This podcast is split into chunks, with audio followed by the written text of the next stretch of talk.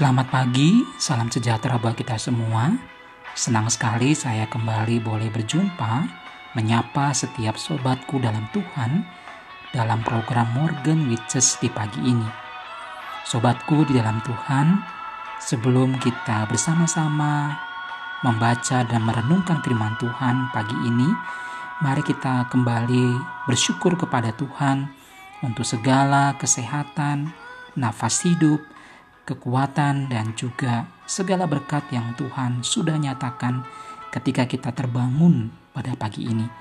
Mari kita dalam waktu teduh, kita mengambil waktu untuk bersyukur kepada Tuhan.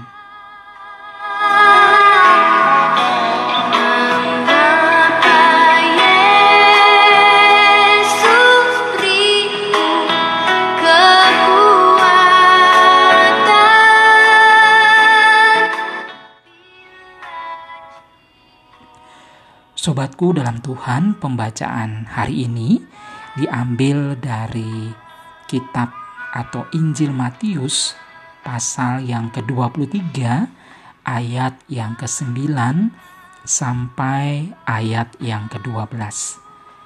Injil Matius pasal 23 ayat 9 sampai ayat yang ke-12.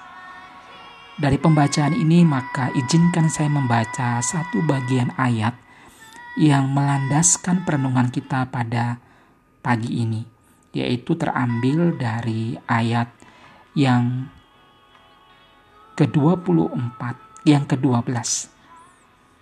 Berkata demikian, orang yang meninggikan dirinya akan direndahkan, dan orang yang merendahkan dirinya akan ditinggikan. Sobatku dalam Tuhan Yesus Kristus, seorang dokter tentara Amerika Serikat bernama Desmond Doss tidak pernah menyangka dalam perjalanan dia sebagai seorang pengabdi medis yaitu seorang dokter tentara. Ia mendapatkan sebuah penghargaan dari negara, dari pemerintah Amerika Serikat pada waktu itu, karena dengan penuh perjuangan, ia mengevakuasi 75 orang tentara dengan tangannya sendiri tanpa satupun peluru ataupun senjata di tangannya.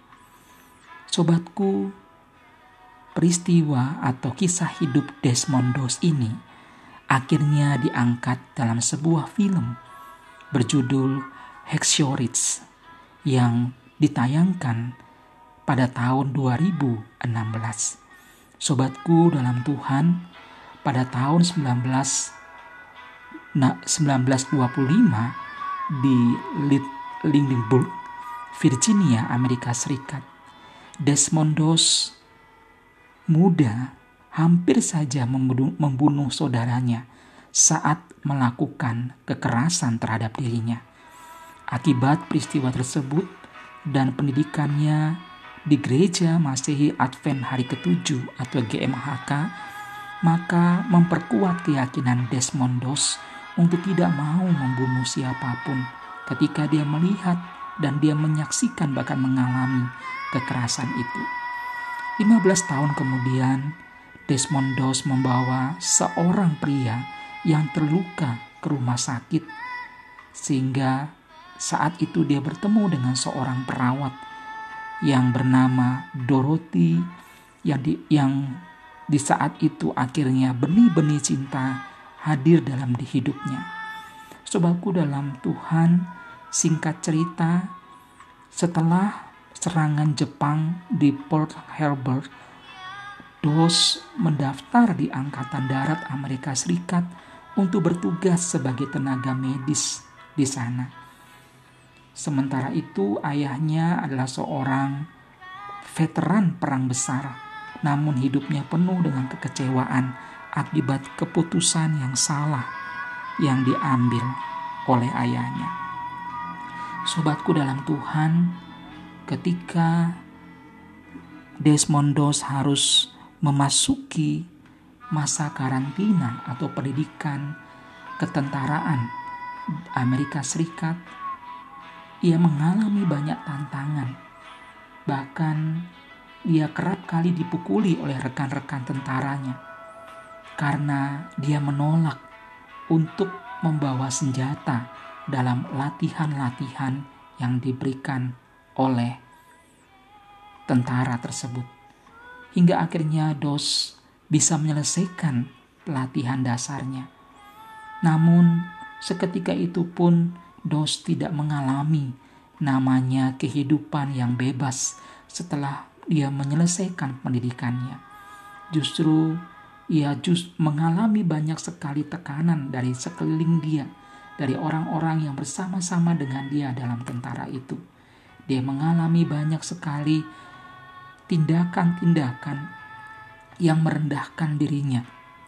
Bahkan salah satu rekannya mengatakan bahwa Sungguh bodoh kalau dia pergi ke tempat perang tanpa harus atau tanpa membawa senjata apa pun.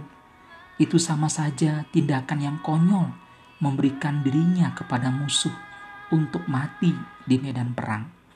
Sobatku dalam Tuhan, dalam keyakinan Desmondos sesuai dengan keyakinan agamanya, dia tetap meyakini bahwa tindakan membunuh tidak diizinkan atau dilarang oleh Tuhan. Dan dalam perjuangan itu, ia pun tetap berjuang sampai ke medan perang. Dan di dalam film tersebut, Desmond Doss boleh menunjukkan bahwa betapa pengabdian dia, ketaatan dia terhadap agama, terhadap keyakinan yang dia yakini tidaklah sia-sia. Sobatku dalam Tuhan, Desmondos akhirnya berhasil menyelamatkan 75 tentara yang pada waktu itu mengalami luka di mana-mana. Luka yang parah, luka yang diakibatkan karena terkena ledakan, terkena peluru dan sebagainya. Secara perlahan-lahan Desmondos menurunkan satu demi satu tentara tersebut. Dan akhirnya negara melihat bahwa Desmondos berhasil tanpa memegang senjata dan peluru di tangannya. Ia berhasil menyelamatkan 75 tentara Amerika Serikat yang tidak berdaya. Sobatku dalam Tuhan, apa kaitannya dengan pembacaan kita hari ini? Sobatku dalam Kristus yang dikasihi dan mengasihi Tuhan. Jika kita melihat dalam konteks ini, kita melihat dalam ayat yang kelima, yakni menyoroti adanya orang-orang Farisi dan para ahli Taurat yang gila hormat. Tuhan Yesus mengecam cara hidup mereka yang mencari popularitas kesalehan hidupnya. Mereka sengaja memakai atribut-atribut simbol ketaatan dan kesalehannya kepada Allah. Duduk atau berdirinya selalu mengusahakan harus diberi pada posisi terhormat di setiap acara apa pun sengaja mencari hormat di tempat yang ramai seperti di pasar. Sobatku dalam Tuhan, kalau kita tarik dalam dalam kondisi kita atau situasi hari ini, bukan berarti ketika ketika kita mencoba melihat kondisi real hari ini, bukan berarti bahwa kita tidak boleh menyapa ayah atau orang-orang laki-laki yang dituakan dengan sebutan bapak. Tetapi dalam bagian ini, yang ingin ditekankan adalah bagaimana seseorang yang belajar rendah hati, meskipun dia punya posisi tertentu, dia tetap bersikap rendah hati. Yesus Kristus sudah menyatakan, sudah melakukannya bagi kita. Kalau kita melihat dalam pembacaan tadi di ayat yang ke-12, dikatakan orang yang meninggikan dirinya akan direndahkan dan orang yang merendahkan dirinya akan ditinggikan. Sobatku, dalam bagian ini kita kembali diingatkan bahwa baiklah untuk tidak memberi penghormatan atau mempermuliakan seseorang atau keluarga tertentu secara berlebihan daripada yang lain. Dalam persekutuan, setiap anggota sama di hadapan Tuhan Yesus. Makna dari sebuah kerendahan hati adalah sifat yang tidak sombong atau angkuh. Dalam bagian ini kita kembali diingatkan bahwa sifat yang sombong itu adalah sifat yang tidak dikehendaki Tuhan. Tuhan Yesus menjelaskan bahwa siapa yang meninggikan diri dia akan direndahkan. Sebaliknya siapa yang merendahkan diri akan ditinggikan. Sekali lagi rendah hatilah sifat yang Tuhan Yesus inginkan. Dan biarlah itu menjadi sebuah perenungan kita bersama untuk kita kembali belajar dari peristiwa yang Yesus sudah lakukan buat kita. Di mana dia merendahkan dirinya, tidak mencari hormat, tidak mencari posisi sama seperti Bapaknya di sorga. Tapi dia mau rela turun ke dunia merendahkan diri menjadi sama dengan manusia. Meskipun ia tidak berdosa, tetapi Yesus menunjukkan kerendahan hatinya demi misi Allah, misi Bapaknya untuk menyelamatkan manusia yang sudah jatuh dalam dosa dan hidup dalam murka Allah. Sobaku dalam Tuhan, marilah kita bersama-sama belajar dari bagian ini. Berhati-hatilah agar tidak terjebak menganggap diri kita penting, apalagi karena memiliki kelebihan-kelebihan tertentu daripada orang lain. Marilah kita memiliki sikap hati yang penuh dengan kerendahan hati, tidak perlu mencari hormat dari orang lain, karena pada waktunya kita akan ditinggikan oleh Allah yang menciptakan kita.